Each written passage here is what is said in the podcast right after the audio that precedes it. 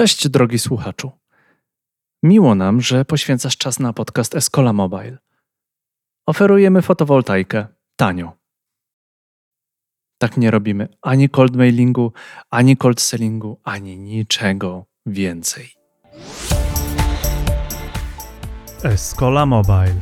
Biznes masz w kieszeni. Na pewno znasz ten typ wiadomości. Czy to na LinkedInie, czy w mailu. Dzień dobry pani X, reprezentuję firmę Y i chcę panu pomóc w Z. Zapraszam na krótkie, niezobowiązujące spotkanie, sprzedam Opla. Ten model biznesowy wypali, jeżeli nie jest tworzony metodą kopiego paste'a i poświęcimy wystarczająco dużo czasu na dopracowanie komunikatu i zdywersyfikowanie odbiorców. Cold mailing is not dead. Ożywa i przynosi rezultaty, jeśli wspiera go technologia. Nasz gość jest tego najlepszym przykładem. Polska firma, która ma ponad 90% przychodów z zagranicy, przeżyła trzęsienia ziemi związane z GDPR, RODO, pandemią i rośnie. Jak działa rynek outbound? Jak karmić lidy i dlaczego lidy na LinkedInie nie mają napisane Szukam produktu X? Luke Deka, Growbots. Podaj ten podcast dalej, udostępnij go na LinkedInie, Twitterze, Facebooku, a najlepiej podziel się tą wiedzą ze znajomymi, którzy twierdzą, że outbound to już nie działa. Halo, dzień dobry, dzień dobry. To jest Escola Mobile. Słuchajcie, moim gościem dzisiaj jest Łukasz Deka, prezes, założyciel Growbots. Cześć Łukasz. Cześć wszystkim. Ja bym proponował pogadać o outbound marketingu. To takie mądre słowo. E, czym jest w ogóle outbound marketing? Mamy tu speca. Wytłumacz tym, którzy nie słyszeli tego, e, tego stwierdzenia. Czym jest outbound marketing?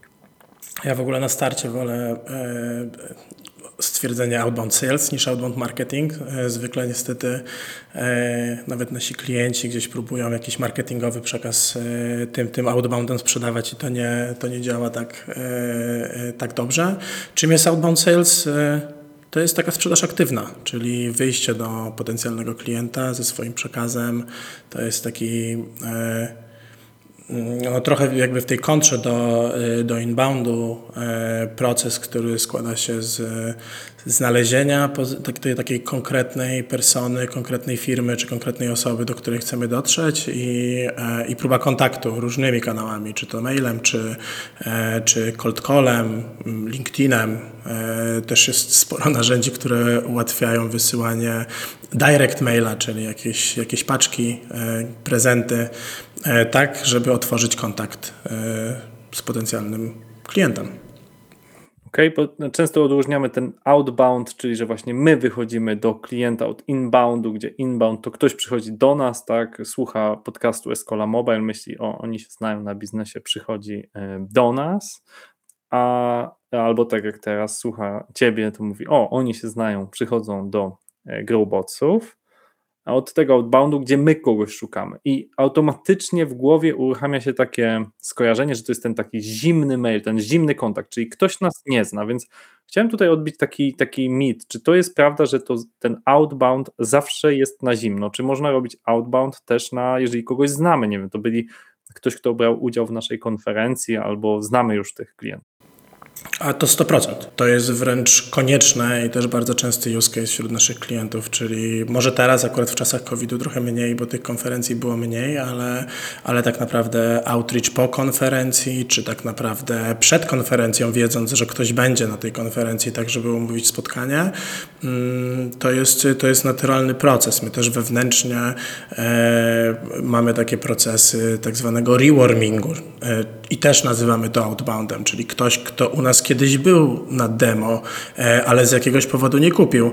E, wracamy do tej osoby. Już tam niektórzy może by nazywali to jakimś takim lead nurturingiem, ale to też jest takie aktywne wejście w proces decyzyjny klienta. Myślę, że tutaj takim głównym e, rozróżnieniem jest to, czy kto narzuca tempo, tak? czyli kto narzuca, kto narzuca ten kontakt. Czy to klient wpisał coś w internecie, bo, bo szukał nie wiem, narzędzia do automatyzacji sprzedaży, czy to, jest, czy to jesteśmy my, którzy uważamy, że to jest dobry moment, żeby do, e, do tego klienta wrócić, no i on decyduje się lub się nie decyduje, żeby z nami pogadać. Mhm, Okej, okay. czyli jak najbardziej dopuszczalne jest to, żeby to był, tak jak mówisz, lead nurturing, czyli już się znamy, ale tak troszeczkę zagrzewamy, e, chcemy wrócić do tego kontaktu, albo mm, jak możemy, jak to nazwać, rewarming, tak, czyli powrót po jakimś, jakimś okresie. Mhm. Tak, 100%. Okay. Chcę cię zapytać, żebyś powiedział, jak w tym odnajduje się twoja firma, w czym, żebyś trochę opisał, w czym się specjalizujecie, co jest unikalnego, bo jednak takich firm jest trochę. Są też stricte agencje, które wykorzystują narzędzia takie jak wy tworzycie, żebyś opowiedział trochę o, o tym, na czym polega wasza unikalność jako Growbots. No dobra, więc y, Growbots to jest takie narzędzie software as a service, które pomaga właśnie prowadzić ten, y, ten outbound. E, od zdecydowanej części konkurencji różnimy się tym, że właściwie cały proces można przeprowadzić u nas y, w narzędziu. Tak? Czyli z jednej strony mamy ogromną bazę danych, kontaktów, firm, gdzie można znaleźć tego potencjalnego klienta, E, i w tym samym narzędziu można wrzucić tę osobę do, e, do kampanii i tak naprawdę zautomatyzować, e, zautomatyzować ten, ten outreach. To jest to, co robimy po stronie produktowej, czyli stricte z czym pomaga software, a do tego jeszcze z racji tego, że pomagamy głównie małym biznesom, dokładamy tak naprawdę bardzo tego człowieka, który przez ten proces Cię może poprowadzić, tak? czyli kogoś, kto podpowie Ci mm, jakieś nowe tajniki, czy właśnie e, w, jakim formacie taką kampanię poprowadzić, żeby była, żeby była mm, successful. Tak, czyli, e, e, czyli mamy, lubimy o tym opowiadać, że mamy takie trzy, trzy kawałki, czyli mamy, mamy prospecting, outreach, i consulting. Nawet czasem do takiego poziomu, że to jest taki concierge consulting, czyli właściwie my mhm. robimy ten, ten outbound za kogoś. O, okej, okay. czyli wręcz jest możliwe, że ja przychodzę do ciebie i mówię, no właśnie, to zróbmy taki eksperyment myślowy, e, zaznaczam tu dla słuchaczy, że nie jesteśmy, e, jest Skola nie jest jeszcze e, klientem, tak, nie kupuje usług od Łukasza, od Growbotsów, mamy produkt służący do e-learningu, taki low-codeowy, czy też lepiej było powiedzieć headlessowy, do e-learningu, szukamy zasadniczo na całym świecie z lekką preferencją na Stany Zjednoczone i Wielką Brytanię klientów, którzy nie są usatysfakcjonowani z gotowych rozwiązań, są takie, nie wiem, Blackboard, y, Canvas, ani nie chcą sami wytwarzać swojego własnego produktu. Więc jest to bardzo wąska grupa, aczkolwiek ona nie ma napisane na LinkedInie hej, szukam headlessowych rozwiązań do e-learningu, bo tak mało osób pisze na LinkedInie. I teraz uwaga, zagadka na żywo, jak dotrzeć do tej grupy z pomocą Growbotsów? Co zrobić? Dobre pytanie. W ogóle myślę, że jakby rozumiem, że ten produkt jest też gdzieś w jakiejś takiej fazie startu. Tak, no on tam wygenerował około pół miliona dolarów przychodu metodą, wiadomo, jakiś tam friends, family and um, friends of friends i działamy mocno na outboundzie. Wysłaliśmy tysiące maili, które dają przeciętny zwrot, ale chcielibyśmy lepszy, tak? I właśnie od dawna się zastanawiamy, czy, czy, czy dobrze szukamy, może tu trzeba inaczej. Mhm. E, no to jakby pierwszą rzecz, którą jakby też dlatego zapytałem, czy na jakim etapie jest, jest produkt i to, co ja bardzo lubię w ogóle w Outboundzie, to jest e, możliwość testowania bardzo szybkiego i tak naprawdę takiej walidacji product market fitu.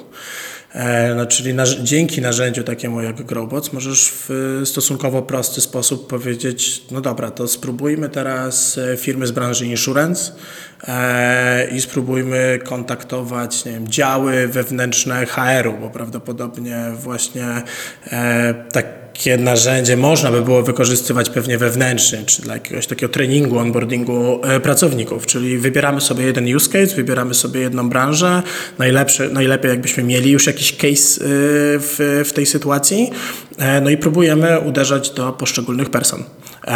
I mm, bardzo rzadko jest tak, taka sytuacja, że ktoś do nas przychodzi i mówi: Dobra, to będzie ten mój silver bullet a ja mówię, tak jasne, to na 100% zadziała.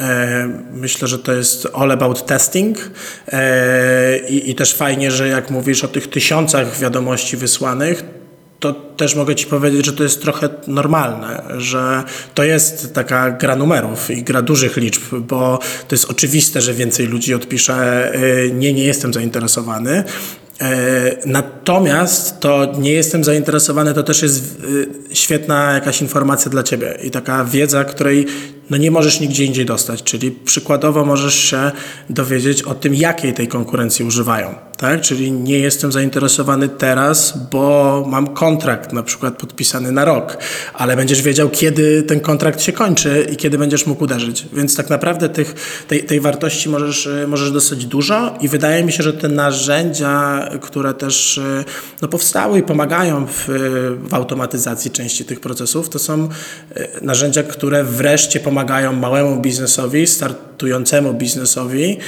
no właśnie kilka takich segmentów czy kampanii wypróbować e, i rzeczywiście poszukać tego ROI. No bo kiedyś historycznie no to musiałbyś posadzić armię sprzedawców, którzy by chodzili po LinkedInie i kopiowali dane do spreadsheetu i próbowali wymyślić maila, a później jeszcze go wysłali z, z Gmaila bez jakiegokolwiek trackingu i jeszcze musiałbyś liczyć na to, że będą pamiętali, żeby sfollow-upować. E, więc, e, więc wydaje mi się, że... Mm, no, że tak, ja bym do tego podchodził tak, żeby, żeby wybrać sobie kilka takich segmentów. Nawet my budowaliśmy swój mały taki system do onboardingu klienta, czyli właśnie do y, procesu tworzenia kampanii, czyli jak przeprowadzić y, klienta przez te najlepsze praktyki. I zbudowaliśmy swój system. Czyli może na przykład tropem byłby, nie wiem, SaaS produkt i odezwanie się do, nie wiem, product managerów, którzy są odpowiedzialni za onboarding klienta, albo do szefów customer successu. Więc ja, ja już w głowie mam kilka kampanii, które bym przetestował jak coś, więc y, możemy też to y, off the record przejąć. Świetny, czyli eksperymentowanie z różnymi grupami, bo ja właśnie zaznaczyłem, że mało kto ma napisane na LinkedInie, oczywiście to mówisz Customer Success, tak, e, L&D, Learning and Development Head, coś tam, ale bardzo mało osób ma napisane szukam headlessowego rozwiązania do nauczania online.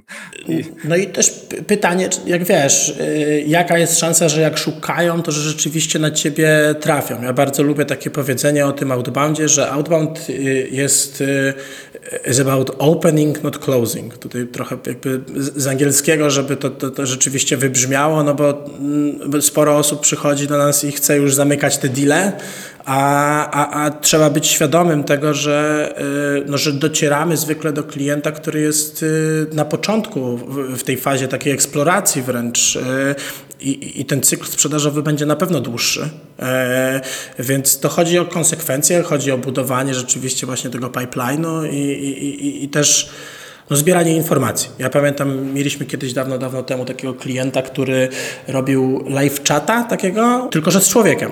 Czyli dla firm, które właśnie nie mają zasobów, a chciałyby mieć takie, y, takie możliwości live chatowe. No miał świetne wyniki z Growbots, bo jednak ta, mm, no ten unique selling point był bardzo, bardzo mocny. Natomiast jasno mówił, że on nie jest w stanie konkurować budżetami z firmami takimi jak Zendesk, y, które oferują po prostu live chata, a uderzaliby w te same keywordy. Więc to też jest trochę o tym, że ten outbound pomaga ci rzeczywiście dotrzeć w momencie, kiedy masz jakby rynek, który jest jakoś już być może zastały, a ty jesteś w stanie jakąś innowacją naprawdę, naprawdę coś zmienić. Mhm. To jest y, ciekawy ten przykład, o którym mówisz, że jesteśmy na początku tej drogi, tak? Przy otwieraniu, nie przy zamykaniu, bo wydaje mi się i wiem to po sobie, że ludzie są niecierpliwi, szczególnie ci C-level, którzy podejmują decyzje. Przynieś mi tu sprzedaż, y, pół miliona ma być do końca roku, no i e, chcielibyśmy, że wysyłam do jakiegoś cold maila, dzień dobry, e, produkujemy tam system do e-learningu, headlessowy, a ktoś pisze, o super, właśnie w tym momencie szukam, e, ile to kosztuje, ty odpisujesz, no 5000 euro, oni mówią, biorę. I to każdy sobie tak wyobraża, a to chyba raczej wygląda tak, że ktoś myśli, hmm, muszę zbudować swój system do learningu, ty akurat wysyłasz tego maila. I on pół roku rozważa różne opcje i ostatecznie mówi, no to porozmawiajmy po trzech albo trzynastu kolach, mówi, to jest bardzo ciekawe rozwiązanie, podoba mi się, wiem jak to wdrożyć, wybieram ciebie. Tak, tak to niestety, szczególnie w dużych, w dużych tiketach, bo oczywiście jak ktoś sprzedaje, e, prawda, E, sasowe, jakieś bardzo proste rozwiązanie, no to faktycznie szybki research, SEO pewnie jest wtedy ważniejsze e, niż to, żeby, żeby robić faktyczny prospecting. I tu Cię chciałem zapytać, jak duże są te mm, tikety, kupony, tak, czyli wartość kontraktu, która najczęściej u Ciebie się pojawia, tak, bo wyobrażam sobie, że żeby jednak wysyłać te maile i przeprowadzić taką drogę sprzedażową i tak dalej, no to to nie może być kupon za, nie wiem, 10 zł, no bo to mogłoby się nie opłacać. Czy jest jakaś taki, taka średnia, czy jakiś minimalny wsad, który jest istotny? Wydaje mi się, że ten minimalny już nie jest taki, e, nie jest taki wysoki ten ticket, jak był rzeczywiście kiedyś. E, no dzięki tej automatyzacji, tak? dzięki temu, że te narzędzia, no jakby to też nie jest fortuna, którą, którą trzeba wydać, bo u nas tam za skontaktowanie właśnie do 500 kontaktów y, miesięcznie to jest y, koszt 199 dolarów tak? Czyli to jest y, no jakby relatywnie niedużo, więc nawet jeśli z tych 500 y, mm, osób byłby jeden klient z małym ticketem y, inicjalnym, ale to byłby właśnie software as a service, który jest raczej, raczej sticky, czyli to lifetime value jest naprawdę, naprawdę długie, no to, to, i tak może się, mm, to i tak może się spinać.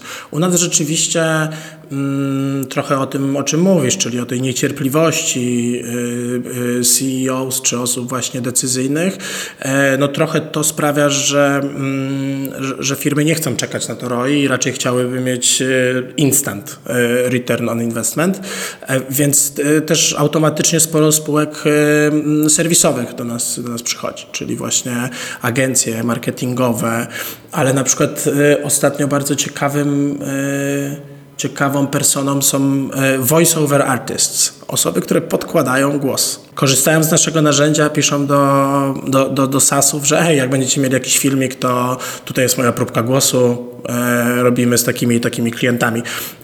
No i jednorazowy ticket pewnie nie jest duży, e, natomiast rzeczywiście czas spędzony w tej aplikacji też nie jest duży tej osoby, więc tak naprawdę to jest trochę, trochę tak, że, że to jest pewnie to 199 dolarów plus może kilka godzin e, miesięcznie e, i raz na jakiś czas coś z tego spadnie. Tak, czyli to może być też ten lifetime value, tak? Czy o czym się e, mówi tak często, a w moim przekonaniu jako przedsiębiorcy to jest najważniejszy parametr. Nie ile zarabiasz na jednym kontrakcie, ale ile zarabiasz całożyciowo, tak? W całym okresie współpracy. No, to jest trudniej mierzalne, tak? Bo jak sprzedajemy coś za 50 dolarów, a ktoś na przykład kupi to dwa razy, ale poleci jeszcze dwóm osobom, no to ten lifetime value tej osoby jest dużo wyższy, tak? No to już w ogóle, jakby to liczyć właśnie ten referal, czy, czy te takie e, pośrednie powiedzmy e, deale, które się z tego, z tego weźmie, e, no to to już jest w ogóle skomplikowane do policzenia, natomiast no ten lifetime value to jest taka no, mm, jedna z głównych metryk właśnie w firmach takich software as a service, więc, Trudniej więc my też to liczymy. Policzenia trudniejszych tak, tak, tak. do policzenia, to trzeba zaznaczyć.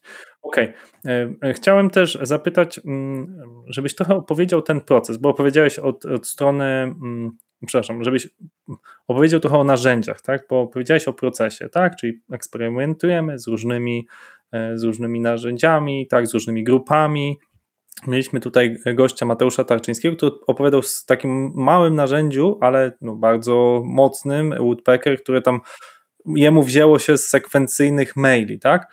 I czy wy jesteście konkurencją, czy to jest uzupełniające do, do tego, co robisz w Growbocach i jakie jeszcze są w takim razie narzędzia, które używasz?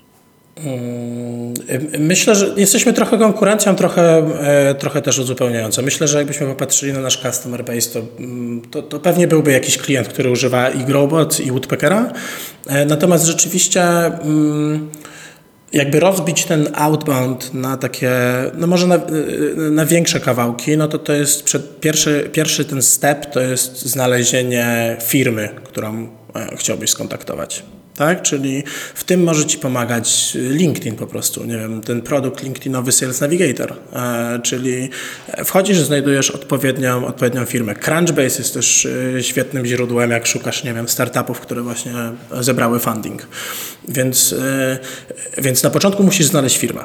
E, więc tu masz, masz kilka rzeczywiście narzędzi, które mogą, e, mogą w tym pomóc. Dalej musisz znaleźć konkretną osobę i dane kontaktowe do tej osoby tak? Czyli nie wystarczy ci to, że kogoś znalazłeś na LinkedInie, ale musisz bardzo często znać numer telefonu, żeby przeprowadzić właśnie jakiś cold calling e, czy maila, żeby, no, żeby później ta kampania rzeczywiście mogła się, mogła się wydarzyć.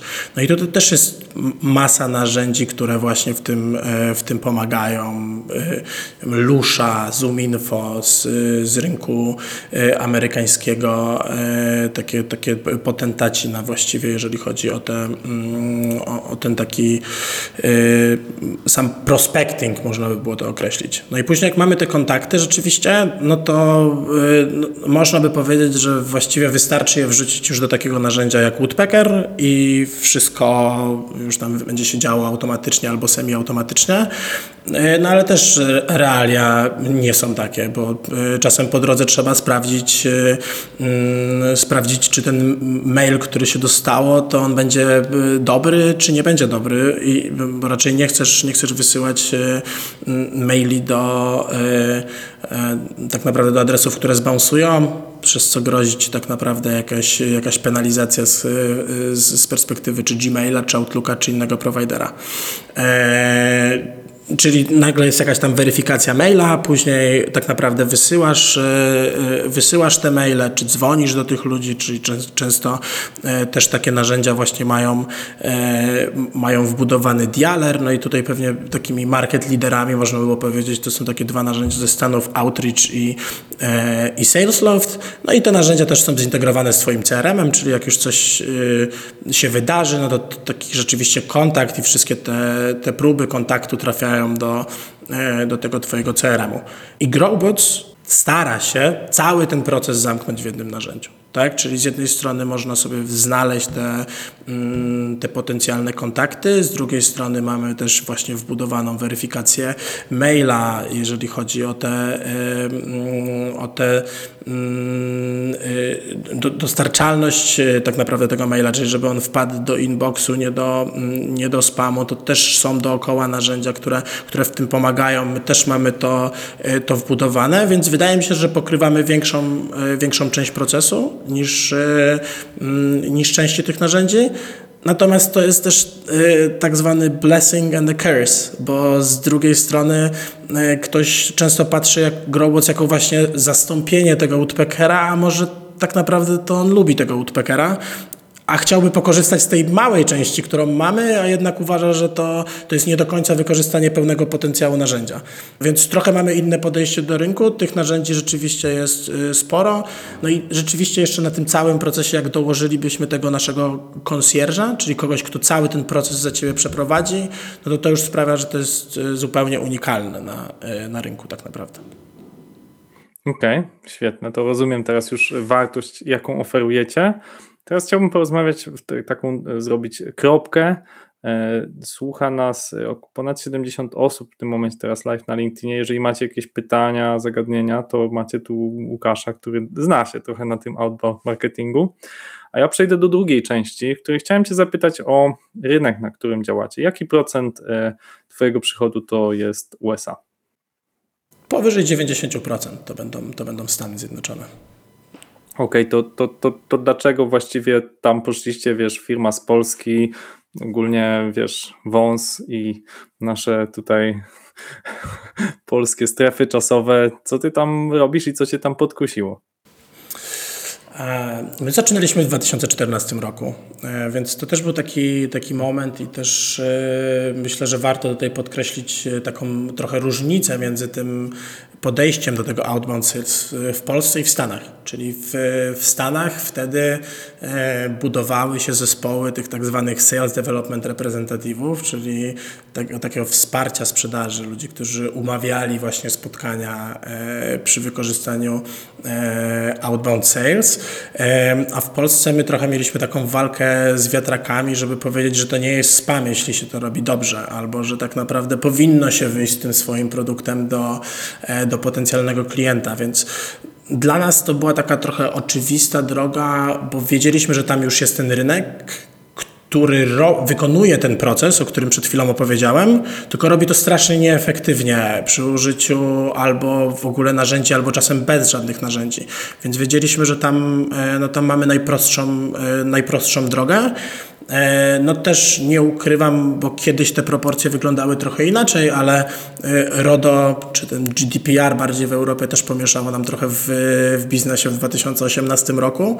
No ale tak, te Stany też e, wydaje mi się, że taka, taka, taka strategia od samego początku budowania globalnego biznesu, to o to nam chodziło też na samym początku w 2014 roku próbowaliśmy i dostaliśmy się tak naprawdę do 500 Startups, czyli do takiego topowego akceleratora w, w San Francisco, więc od zawsze gdzieś tam w głowie było to podbijanie amerykańskiego rynku, jako tego największego rynku, e, też to Silicon Valley i, i, i amerykański sen jak najbardziej, e, jak najbardziej nam przyświecał. No to powiedz, bo wiele osób kojarzy tam, nie wiem, Y Combinator, jakieś tam inne, a te 500 Startups w sumie to jest też takie top, nie wiem, 3, top 5 tych takich najbardziej atrakcyjnych akceleratorów. E, powiedz, jak, jak się tam dostaliście, jak, jak można tam się zaprezentować, żeby ktoś cię dostrzegł, tak? Bo wiele startupów z Polski dostaje rundę i czeka potem, że tu jacyś skauci z Ameryki po prostu nas zobaczą, a jak tobie się to udało? To jest dosyć śmieszna historia, bo my e, w 2014 roku e, najpierw dostaliśmy się do, e, do Y Combinatora na takie, na, na takie in-person interview właśnie. Polecieliśmy do, do Doliny Krzemowej. W ogóle to był taki mój pierwszy, pierwszy kontakt z Doliną Krzemową i taki amerykański sen absolutny. I, i ten Y Combinator nas, nas odrzucił wtedy. Oni nam powiedzieli, że, że jesteśmy za wcześnie. My te, wtedy nie mieliśmy produktu, mieliśmy pomysł na produkt, mieliśmy swoją agencję lead generation i po prostu opowiadaliśmy, jak będziemy automatyzować cały, cały ten proces. No i wydaje mi się, że wtedy nas trochę też uratowała taka polska buńczuczność, czyli stwierdziliśmy, że to oni się nie znają, skoro oni nas przyjęli, więc y, popatrzyliśmy na listę, ok, to jak nie Y Combinator, to 500 Startups i mm, z tą bardzo podobną, e, bardzo podobny proces, tak, czyli jakoś wypełnienie aplikacji online. Zaprosili nas wtedy na, na videokola i nas, e, i nas tam przyjęli i byliśmy jedyną firmą na 35 wtedy w Baczu, która nie miała jeszcze gotowego produktu.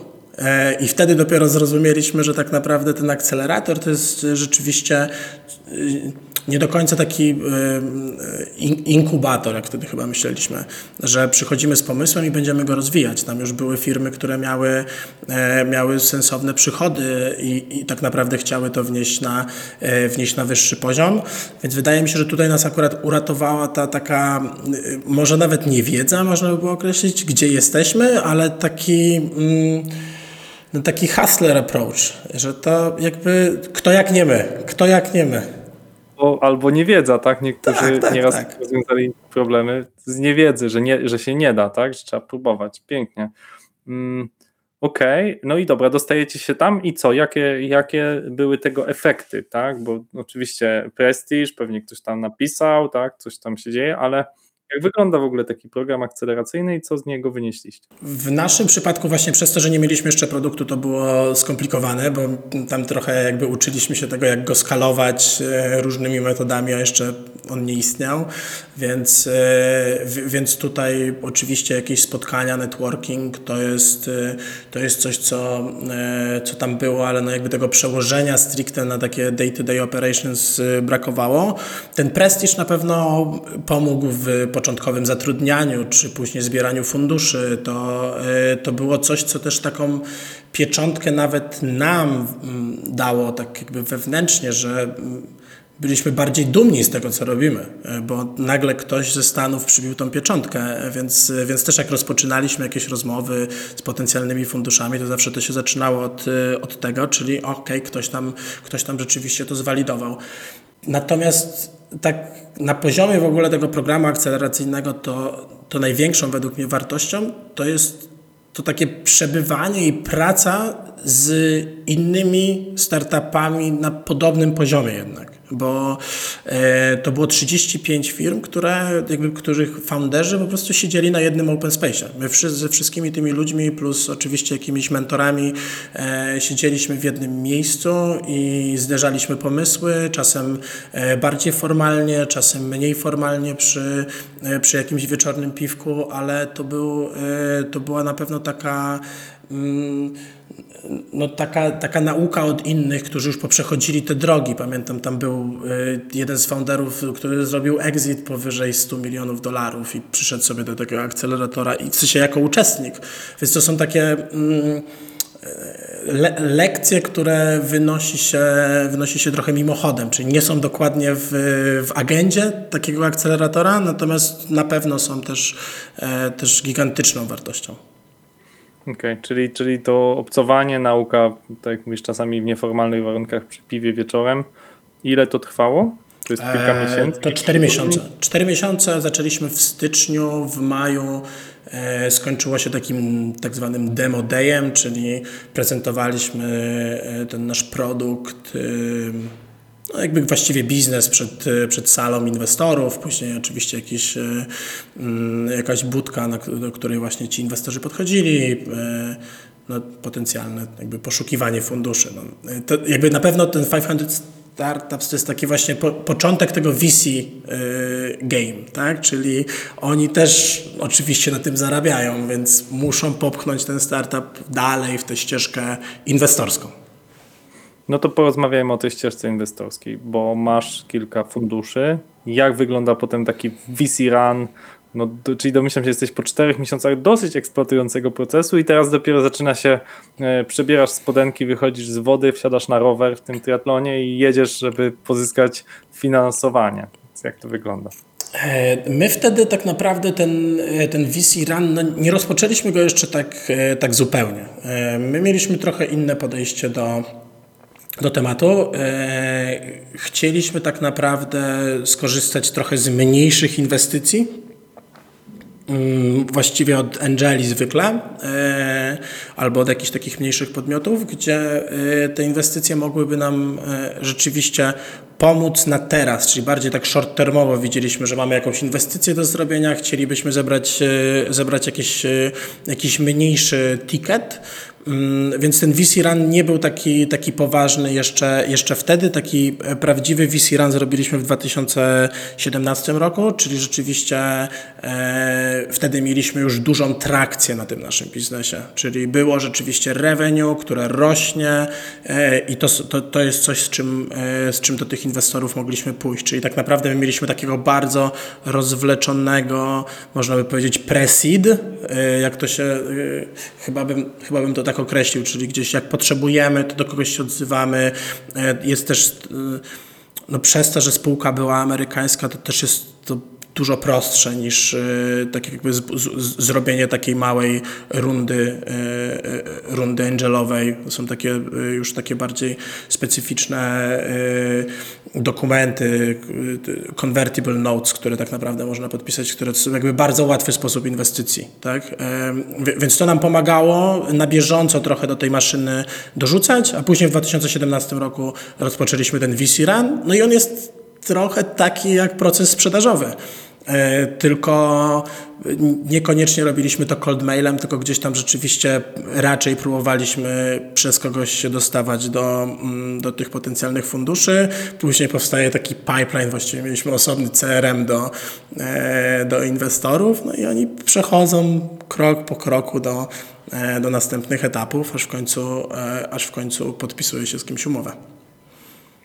Też właśnie miałem niedawno taki VC Run w tej spółce, o której już mówiłem w tym podcaście w Welmsie i też sobie zrobiłem osobny CRM na, na to, kto mi odmówił, z jakiego powodu, albo dlaczego przeszedłem do kolejnego etapu i z jakiego powodu, żeby nie tylko sobie tam odznaczać, ale też mieć lekcje z każdej odmowy, czy każdego listu wsparcia. Tak? No i zresztą dzisiaj od 10 e, chyba nadal trwają negocjacje umowy inwestycyjnej, więc pozdrawiam mojego prawnika, który oddzielnie tam e, walczy. A do ciebie mam kolejne pytanie. E, dobrze, jesteśmy w tych Stanach i, i mówię, że tam masz większość klientów i rozumiem, że tam cały czas spółka jest tak, jako, jako pod amerykańskim prawem, ale były, był, przyszedł w pewnym sensie kryzys, tak, przy GDPR-ze. Wtedy, rozumiem, jeszcze więcej salesu było troszeczkę w Europie. Chciałem Cię zapytać, jak e, przechodziłeś ten kryzys, bo to pytanie jest bardzo aktualne teraz. Mamy no, prawdopodobnie zbliżającą się recesję. Słyszymy, że tam Apple, Facebook, ci wszyscy giganci, Google albo zamrażają e, zatrudnienie, albo wręcz zwalniają. To samo widać w dużych firmach, także w Polsce te spółki, które wydają komunikaty giełdowe typu Komach, mówią, że tam parę procent jest zwolnień. No więc jak mm, powiedz swoją historię, jak przechodziłeś przez kryzys, no taki może nie globalny, ale dla Twojej branży chyba intensywny, czyli ten GDPR, czy też RODO.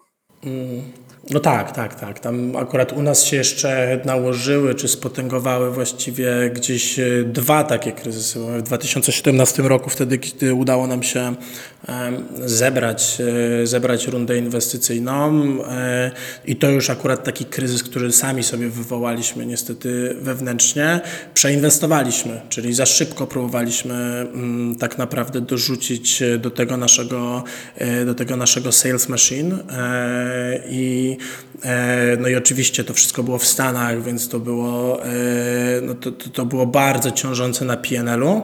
E, I to był koniec 2017 roku, kiedy też mieliśmy już taki powiedzmy pierwszy, pierwszy kryzys, gdzie musieliśmy, no, gdzie nie udało nam się zebrać kolejnej rundy i musieliśmy niestety zrobić turę layoffów, właśnie głównie w Stanach wtedy.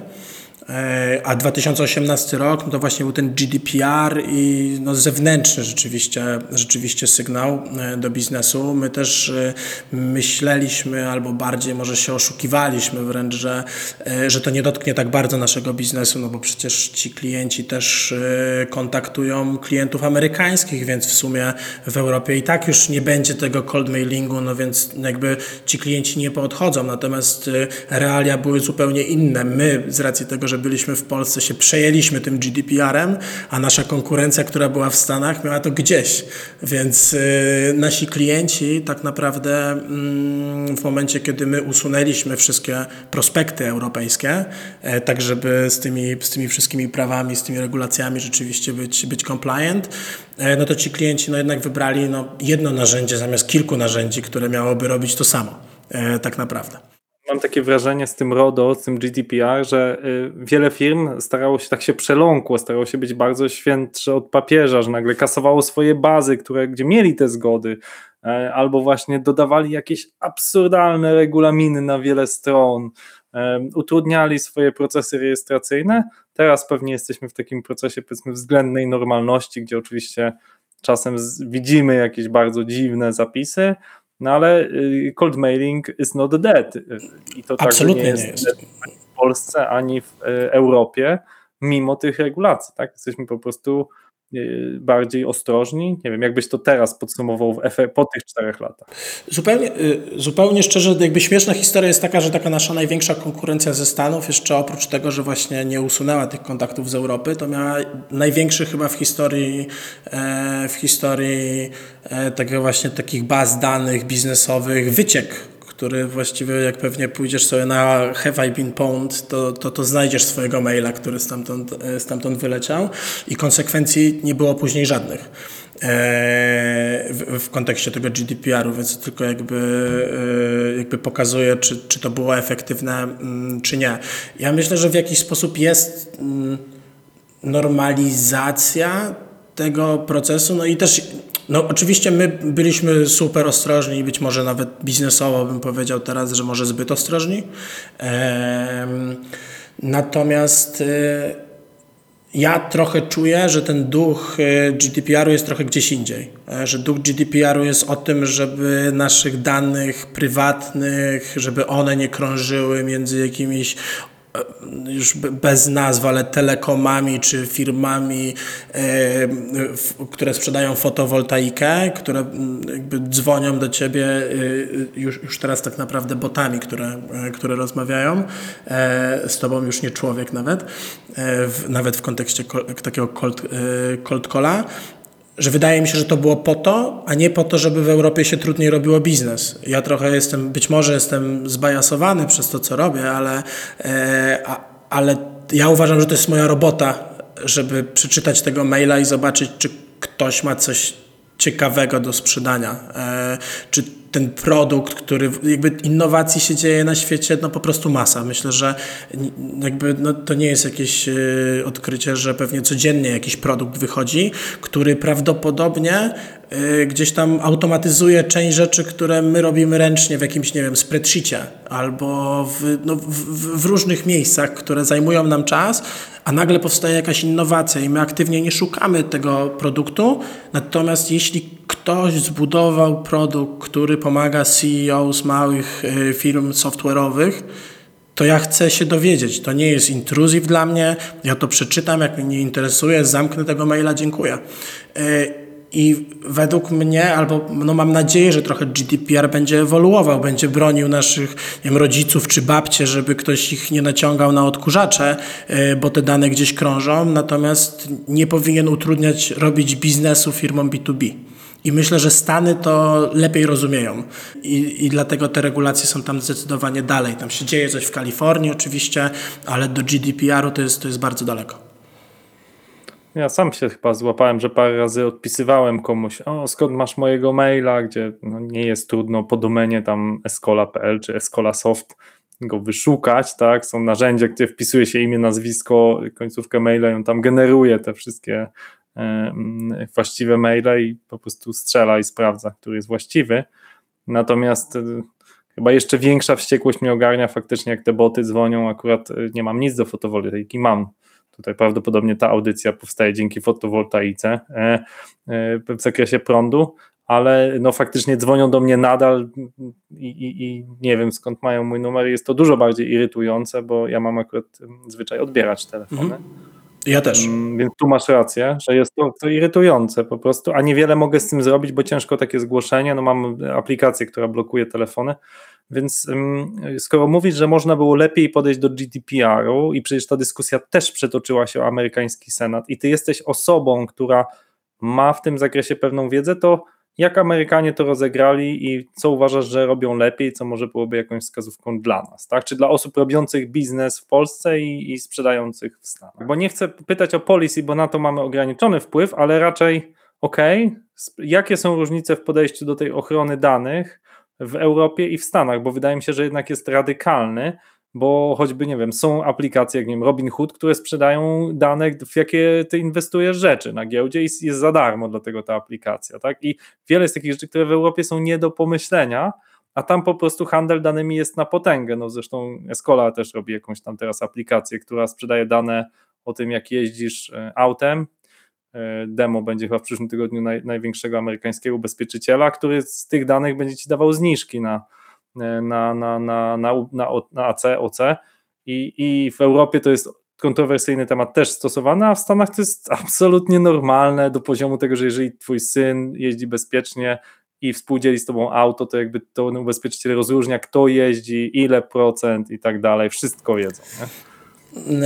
No, myślę, że tutaj jest po prostu też, no na pewno jest cienka, e, cienka granica. No i dla mnie osobiście ta, ta granica zwykle jest w tym kawałku, czy jestem tym konsumentem, czy reprezentuję biznes akurat. No i e, w kontekście akurat regulacji, która jest, jest w Stanach, czyli tego CCPA tak naprawdę, to w Kalifornii już e, powstało, taki, też było okrzyknięte takim GDPR-em właśnie e, kalifornijskim, e, no to tam, o ile ja, oprócz tego, że tak naprawdę my musieliśmy się po prostu zarejestrować jako, jako taki e, data broker, czyli jakby podmiot, który ma takie dane, czyli rzeczywiście gdzieś jest transparentność w, w tym procesie, no to oczywiście każdy może się z takiej bazy wypisać, ma te same prawa co w GDPR-ze, natomiast nie jest powiedziane, że on tam nie może być, tak? Czyli jakby trochę w GDPR odwrócił zupełnie ten scenariusz, y, w którym mm, no, jednak ta regulacja jest opt-in, a nie opt-out, czyli, y, czyli to my musimy chcieć się gdzieś zapisać, e, no a tak jak trochę powiedziałem, w świecie B2B, w, gdzieś tam goniących nas innowacjach, no to nie ma racji bytu. My nie możemy się zapisać do tej firmy, bo nawet nie wiemy jeszcze o jej istnieniu. E, więc myślę, że to też jest, to, to jest taka duża różnica. E, natomiast, żeby to było jasne po Europie, e, ten, ten outreach jest legalny, o ile te prawa później jakby wewnętrzne, raczej krajowe, antyspamowe nie, nie zabraniają tego, tak jak w Niemczech czy, czy w Austrii, dopóki ma się ten tak zwany legitimate interest, czyli że rzeczywiście coś chce temu biznesowi sprzedać. No i oczywiście ten, ta osoba ma wtedy prawo się jakby wypisać z tej listy, Myślę, że to może nawet i zmierza w dobrym kierunku. E, no, mam nadzieję, tak, w kontekście właśnie tego legitimate interestu. Myślę, że większo, większość zdecydowana tych, tych kar, które były, no to właśnie to były kary nałożone na podmioty B2C, które rzeczywiście tymi, tymi dana, danymi konsumentów gdzieś, gdzieś przerzucały. E, Natomiast, no tak jak to jest e, ze Stanami, myślę, że oni mają po prostu gdzieś e, przekręcone, być może nawet w drugą stronę, to takie kapitalistyczne podejście do świata i, i, i robienie biznesu, biznesu na wszystkim, więc pewnie gdzieś jest po środku, prawda? Nie wiem, czy Ci odpowiedziałem na to pytanie, ale to też to nie jest prosta dyskusja. Podsumuję to, co powiedziałeś, bo to myślę ważne dla, dla słuchaczy, czyli jakby rozróżniamy dwie sfery. Sfera B2C, gdzie faktycznie są jakieś dane właśnie osobowe, z kim się spotykamy, gdzie się poruszamy, które też są, nie oszukujmy się, zbierane przez Facebooka, przez Google i tak dalej, ale dużo trudniej jest nam coś oferować jako osobom indywidualnym. I faktycznie mamy poczucie, że prywatność mnie jako konsumenta, jako osoby indywidualnej jest, powinna być bardziej chroniona niż mnie jako prezesa spółki, gdzie ujawniam swój NIP, swój REGON, swoje wyniki finansowe, do tego mnie zobowiązuje prawo i jestem ujęty e, na wielu rejestrach, że jestem prezesem Escoli na przykład, więc ciężko, żebym to, to jest publiczna e, wiadomość, tak? A do jakiej knajpy chodzę nie jest publiczną wiadomością i ludzie rozumieją, że to jest całkiem sensowna regulacja. Druga regulacja, o której mówisz, to jest ten reason, tak, że musi być uzasadnione, dlaczego ktoś mnie kontaktuje, ktoś ze mną kontaktuje, dlatego ja się irytuję i ty na fotowoltaikę, bo ja fotowoltaikę już mam, drugiej nie postawię, bo drugiego domu nie mam. E, I jest to trochę e, dla mnie irytujące, że ktoś ciągle do mnie próbuje wydzwonić z różnych, mimo że jakby ją mam, albo ktoś mi chce sprzedać garnki, jest taka baza, w której jestem, że mam powyżej 40 lat i mieszkam w jakimś innym mieście, nawet nie pamiętam jakim, i oni do mnie wiecznie z tymi garnkami, albo żebym zdrowie swoje podbudował, bo program jest skierowany dla osób tam, nie wiem, od 60 do 80 roku życia, oni do mnie wiecznie dzwonią, bo tak w bazie jest napisane, którą gdzieś sobie kupili. No i to jest irytujące, bo gdyby mnie zapraszali na event dla młodych przedsiębiorców, to może bym nawet poszedł, ale dla osób, których się nie kwalifikuje, które chcą kupić garnki albo zadbać o swoje zdrowie w wieku 60, plus, nie kwalifikuje się i faktycznie tego reason, legitimate reason, tego, tego sensownego uzasadnienia nie ma i powinni być z ramienia prawa jakoś ścigani. E, więc to, to rozróżnienie wydaje się, tak jak mówisz, zmierza w dobrym kierunku. Tylko żeby to było jasne, też myślę, że powinno to wybrzmieć. Ja uważam, że jest masa spamu na świecie, jeżeli chodzi o maila, też jeżeli chodzi o ten, e, o ten nasz segment B2B. No i niestety też muszę trochę z tym żyć, jak, e, jak z dynamitem trochę, tak? Czyli, że to, to też może służyć zapytam, co... Łukasz, też by taki mieć prawdziwy proof, dostajesz maile jako prezes Gruboców różne, to jakie maile mówisz, jest to twój obowiązek czytać nowościach? Tak w przybliżeniu, w szerokim ujęciu, co czytasz, a czego nie czytasz? Wiesz co, czytam zdecydowaną większość, tylko że już jakby tak jak trochę z reklamami jest gdzieś tam tak oko moje wyłapuje te fragmenty, które wiem, że mogą być gdzieś istotne i wręcz y, paradoksalnie jest tam masa takich artykułów, jak napisać dobrego maila i dostaję masę takich maili że właśnie zgodnie z tą prawdą, tam, y, żeby od razu do punktu, żeby nie marnować czyjegoś czasu, tylko od razu tak naprawdę do gdzieś tam do pitchu dojść, żeby jakby wszystko zgodnie z tą prawdą. Jest jakaś personalizacja, że o, czytałem twój wpis na LinkedInie, super, bardzo mi się to podoba, no ale co z tego, jak ten produkt mnie nie interesuje? No, w sensie, że, że, że, to, nie jest, to nie jest dla mnie, nie potrzebuję tego. A z drugiej strony pamiętam, jak dostałem takiego właśnie, no najgorszego z tych maili, takiego jakby pewnie dostajesz też ich masę, gdzieś tam wybuletowane po prostu, co, co ta osoba nie robi, tak naprawdę jest tylko o nich. Natomiast akurat dokładnie trafił w takim momencie, że szukałem tam data providera e, pod, pod rozwój, e, rozwój Growbots i takiego kola wziąłem, tak? Czyli poszedłem, e, poszedłem rzeczywiście mm, z taką osobą na kola. No to co lubię w mailu to jest to, że ja dokładnie wtedy, kiedy chcę, mogę go przeczytać, wtedy, kiedy mam wolną chwilę i jakby wtedy mogę na to zareagować, albo mogę zareagować nie wtedy, mogę zareagować później.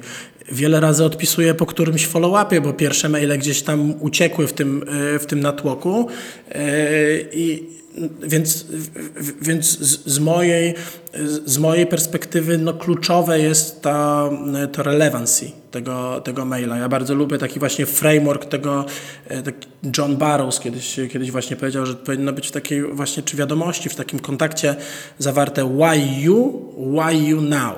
Czyli dlaczego mhm. ty i dlaczego właśnie teraz e, do ciebie piszę. Żeby to w jakiś sposób mhm no było jednak jakby przemyślane chociażby. No? Mhm, mhm, mhm. Czyli ktoś musi wykonać pewną pracę, bo często mamy poczucie, że te cold maile to ktoś po prostu tak rozsypuje jak konfetti po internecie i to faktycznie nazwanie tego spamem, śmieciem jest właściwe, jeżeli ktoś tak naprawdę to rozsypuje i to ma mizerną wartość i traci nasz czas. Mm, Łukasz, mamy jeszcze 10 minut. Chcę Ci zadać dwa pytania od naszych słuchaczy. E, bardzo konkretne są tu techniczne pytania, e, więc się przygotuj.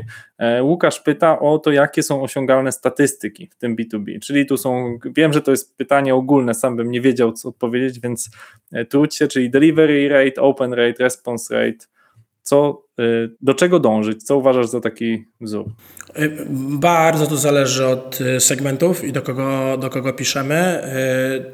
My, mogę powiedzieć na, gdzieś na naszym, na naszym przykładzie, no my pewnie te open rate mamy gdzieś w powyżej 70%. To jest y, takie 50-60% to jest coś, co znaczy, że no te maile rzeczywiście trafiają do inboxu i są, są otwierane, więc myślę, że to powin, po, powinniśmy w takie coś strzelać. No ale natomiast widzimy też, że nasi klienci czasem wyślą maila o bardzo podobnym tytule, który trafia do dużych firm, do enterprise'ów, no i widzą 30-40%.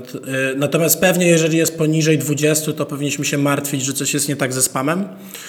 E, delivery rate to trochę zależy, jakby to interpretować. E, jeśli to jest po prostu tak jakby jeden minus bounce rate, czyli jaka tam tą jakość danych jakbyśmy mieli, mieli sprawdzać, no to myślę, że około 8, 5-8% to jest coś akceptowalnego, ten bounce rate, tak? czyli 95-92% e, taka, mm, taka dostarczalność. Niestety innej nie za bardzo możemy, możemy mierzyć, no bo serwery nie, nie, nie chwalą się, czy ten mail wpadł do spamu czy do inboxu, więc, e, więc tego nie sprawdzimy, przynajmniej w tym outbound sales rzeczywiście. E, response rate. Ja lubiłem odpowiadać na to pytanie, jak jeszcze częściej brałem kole sprzedażowe, że z, z naszym narzędziem mogą gdzieś się spodziewać między 0 a 2% positive response rate. I zawsze wtedy się pytali, zero? Jak to zero? I ja mówiłem, że nie każdemu outbound zadziała. Być może to jest właśnie kolejna taka, e, taka wiadomość do tej grupy, nie do końca przebijająca się. Mm, my potrafimy zrobić takie automatyczne kampanie, ale dość relevantne, rzeczywiście, czyli Growbots jak sprzedaje jakby swoim outboundem, które mają ponad 10%. Y, takiego positive response rate. Czyli to się da zrobić. Oczywiście, no to znowu, my do małego klienta, bardzo to jest specyficzna grupa, tam wybieramy sobie taką personę y, konkretną, y, no i więc ta wiadomość jest naprawdę bardzo, bardzo relevant dla niej i, jesteśmy w stanie taki wynik osiągnąć, więc myślę, że to jest cały czas do zrobienia, natomiast jednak i tak bym celował bardziej w te okolice jednego, dwóch, tak, mimo mhm. wszystko. Okej. Okay. Mam drugie pytanie też o, od Artura, Outbound Sales, e, czyli e, to przypisywanie, ten personalizowany, to się chyba nazywa account marketing, tak? Jakoś to, to jest na to też nazwa. Co ty o tym sądzisz e, i, i, i jak, to, jak to rozgrywacie może u siebie z własnego doświadczenia? Tak, no to jakby w, mówi się o tym account-based selling, ten taki, takie podejście do, e, do tej takiej bardziej być może spersonalizowanej e, kontakt, spersonalizowanego kontaktu do konkretnej firmy, czy do konkretnego tego accounta. Myślę, że co do zasady to jest świetne podejście, mm, ale tak bardziej odpowiem high level, tak? Czyli w tym ABS-ie chodzi o to, żeby podzielić swoją grupę na te tak zwane tiery. Czyli, że jest jakaś firma, która jest ważniejsza i takich firm powiedzmy mam 10-20, jest takie firmy, które są trochę mniej ważne i takich firm mam powiedzmy, nie wiem, 100 i później jest ten tier trzeci, których tam jest y, reszta. No i chodzi o to, że w zależności od tego, jak dla mnie ważne są te firmy, no to powinniśmy dostosowywać do tego narzędzia, czyli e, pewnie ten tier trzeci możemy puścić on autopilot, tak, czyli wysłać maile, e, Natomiast e, w, w kontekście dwójki, jedynki pewnie trzeba coś dodać. Natomiast personalizacja według mnie nie zawsze jest odpowiedzią. Teraz jakby mówi się o tym, że ta personalizacja jest trochę odpowiedzią na wszystko. E, wraz z pojawieniem się GPT-3 e, pojawiło się masa narzędzi, które same piszą personalizowany wstęp.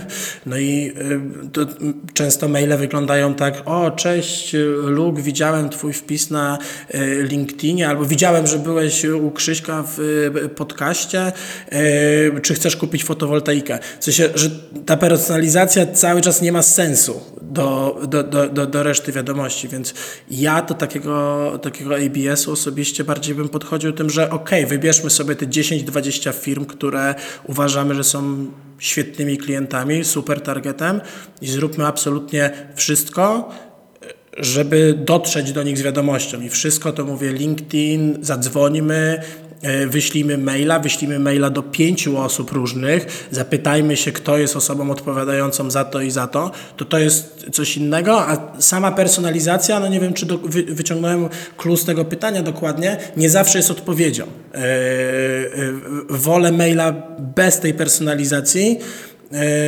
natomiast takiego rzeczywiście wybranego relevant dla mnie. Podobał mi się, Łukasz, twój przykład, że cześć Łukasz, widziałem cię, że byłeś w podcaście Skola Mobile, e, czy kupisz fotowoltaikę i to faktycznie często te spersonalizowane wiadomości trochę tak wyglądają, że są fajnym wstępem, ty masz to zainteresowanie, a potem ktoś cię po prostu jakby, nie wiem, przytrącił jakimś cegłą po głowie. Jak ktoś napisze takiego maila, to naprawdę znaczy, że nie słuchał tego podcastu, bo ja nie chcę tej tak, fotowoltaiki, tak? Ważniejsze jest i że ważniejsze jest to, co sprzedajesz, żeby to było do ciebie trafione. Ok, interesujesz się motocyklami, no to mamy dla ciebie, nie wiem, jakiś e, show, e, bo wiemy, że faktycznie tym się interesujesz, tak? Że to jest dla ciebie ważne. I właśnie to mnie płynnie sprowadza na ostatnie pytanie o przyszłość outbound marketingu, bo wiemy, że rola sztucznej inteligencji jest duża, tak? Pomaga w tej personalizacji, pomaga w dostosowaniu wiadomości, w lepszym dopasowaniu tych wiadomości, ścieżek zakupowych. Jak Twoim zdaniem e, będzie wyglądał ta przyszłość, czyli za 5 lat, w jaki sposób będzie e, Twoja firma starała się odpowiedzieć na potrzeby, na wyzwania? Myślę, że coś, co jest jeszcze bardzo, bardzo niezagospodarowane, no to jest ten temat y, why you now. I to jest coś, co już się pojawia w tych E, trendach, e, czyli jakieś próby podejścia do, mm, do intentu zakupowego, czyli zrozumienie tego, gdzie dana firma jest e, no, trochę poza tymi takimi danymi demograficznymi, można by było to określić. Czyli przykładowo, nie wiem, wiemy, że zresztą już cały czas jakby to jest dostępne i to, to są też takie taktyki, które, mm, które działają, no ale firma zatrudniła nowego VP Sales to znaczy, że będzie teraz prawdopodobnie zaczynała skalować. Tak? Czyli, że są takie mm, wydarzenia, te trigger events, które mogą powodować jakiś później intent zakupowy, no i oczywiście ten outbound przez to będzie dokładniejszy. Czyli tak jak ty powiedziałeś, że, e, że, że, że może napiszesz do kogoś, kto powie, o właśnie tego szukałem, albo myślałem o czymś takim, no to już na przykład e, pewnie kojarzycie albo kojarzysz to e, G2 Crowd, czyli ten, ten taki marketplace, ma y, ma swój ten produkt, który y, mówi o tym, że ktoś przegląda daną kategorię, tak? No i brakuje tego, oczywiście tego połączenia z następnym produktem, który da ci informację, kto jest osobą decyzyjną i tak dalej, i tak dalej. Więc y, myślę, że tutaj gdzieś ten intent to będzie, to będzie coś ciekawego, które będzie się, które będzie się rozwijała. Myślę, że ten, nawet ten cold outreach może nawet za te, za te 5 lat to będzie, to będzie już nawet trochę zautomatyzowane. Myślę, że to tak jakby napisanie takiego, e, takiego maila w momencie, kiedy rzeczywiście wiemy, e, co chcemy napisać, to będzie, mm, to będzie do zrobienia. No i po prostu sprzedawcy wtedy będą się tak jakby przebranżawiali albo w takich operatorów tego narzędzia, czyli że rzeczywiście będą, nie wiem, fidowali dodatkowe dane albo sposoby napisania tych templatek, jakieś takie eksperymenty, które będą trenowały ten, y, ten dany model, albo rzeczywiście już będą potrzebni na tych późniejszych etapach, bo jeszcze nie jestem przekonany do tego, że za, tam za 5 lat będziemy sprzedawać maszyna tu maszyna. Jakby myślę, że to jest już to jest jeszcze sci-fi. Mi się wydaje, że Marcin y, Grela z Sales Angels chyba właśnie przeszedł go zimny dreszcz, jeśli nas słucha cała społeczność Sales Angels. Ja jestem przekonany i w to też idę, to mogę się podzielić jako Escola. Nasz, nasza wizja sprzedaży przyszłości jest taka, żeby nie było żadnych sprzedawców, a byli konsultanci, którzy tak jak mówisz, na dalszym etapie mówią, ktoś mówi potrzebuje apkę, mówimy dobrze, a jaką, dużą, małą, ma być bardziej kolorowa, czarno-biała, co ma robić, jakie ma funkcje, ostatecznie dobierają technologię, czyli właściwie, że jest jedna osoba, która obsługuje cały proces sprzedażowy swoją wiedzą, bo ma bardzo szeroką wiedzę. I zresztą wiele firm już dawno w to poszły. Nie wiem, Apple, który nie ma, tam ma te sklepy, ale tam oczywiście są ci właśnie konsultanci, którzy ci mówią, o, czy potrzebujesz takiego iPada, czy innego, a może słuchawki nowe, no bo przecież ty przychodzisz i potrzebujesz. I, i, i, i wydaje mi się, że ludzie ogólnie mają jakiś taki trochę zimny dreszcz na, na, na myśl, że ktoś mi chce coś sprzedać, ale mają bardzo pozytywne uczucia, że ktoś mi chce pomóc kupić. Tak? W czym mogę pomóc? Cię pyta sprzedawca w sklepie z ubraniami czy z narzędziami, a, a tak ludzie nie lubią y, takiego wciskania, a lubią bardzo, jak im ktoś pomaga kupić to, co chcą. I, I różne narzędzia się coraz bardziej uczą tego w internecie, co ty chcesz kupić. Tak? Więc tak widzę ja przyszłość sprzedaży. I tu jeszcze klamrą można by było dodać to, co, o czym rozmawialiśmy na początku właściwie, czyli to lifetime value, czyli co z tego, że komuś coś sprzedasz, e, jak to nie jest to, co ta osoba chciała kupić. Czyli to lifetime value może być e, potencjalnie niskie, no bo później te oczekiwania nie zostaną spełnione. E, a właśnie taka praca, zupełnie, w zupełności się zgadzam, w której no tak naprawdę sprawdzamy te potrzeby i, i próbujemy zmaczować tę naszą ofertę, czy ten nasz produkt, czy tę usługę do tych potrzeb, no to to jest droga do wysokiego lifetime value. Tak, i do tego, co my nazywamy upsellem, tak, czyli że ktoś kupuje u nas jedną usługę, albo potem drugą, trzecią, mamy takich wyskola klientów i oni są dla nas wiele warci, ale to dlatego, że trafiliśmy w ich potrzeby, że, trafili, że rozwinęliśmy aplikację zgodnie z ich potrzebami, zgodnie z ich biznesem. Tą piękną klamrą zamykamy naszą równogodzinną e, dyskusję. Łukasz, świetne, e, świetna wiedza od Ciebie popłynęła. Myślę, że osoby, które nas słuchały, się z tym zgodzą. Dzięki e, ogromne za powiedzenie o tym, jak firma się rozwijała, jak przeszliście pięknie przez kryzys, o tym, jak rozwijać ten outbound marketing i jak będzie on wyglądał w przyszłości. Dzięki wielkie, żeby nie być gołosłownym, można do mnie oczywiście też pisać lukatgrow.com i te maile będę czytał i pewnie też odpisywał. Ludzie od fotowoltaiki już na pewno piszą. Dzięki. Dzięki wielkie, cześć. Escola Mobile. Biznes masz w kieszeni. Dziękujemy za Twój czas i za to, że spędziłeś go z nami. No i tak, jeden z nas może sprzedać Opla. Ale może to nie jest najlepszy kanał do tego, aby sprzedawać? Outbound marketing, co pokazał Luke, ma ogromny potencjał. Musimy tylko wiedzieć, co robić, próbować, testować i wtedy znajdziemy złoty środek. Jeśli ten podcast dał Ci wiedzę, dał Ci inspirację, prosimy podziel się nim na Twitterze, LinkedInie, Facebooku, opowiedz o nim swoim znajomym. A jeśli na przykład słuchasz nas na Apple bądź Spotify, daj nam 5 gwiazdek i napisz fajną opinię. To był 126 odcinek podcastu Escola Mobile. Naszym gościem był Luke Deka z Growbots. Do usłyszenia.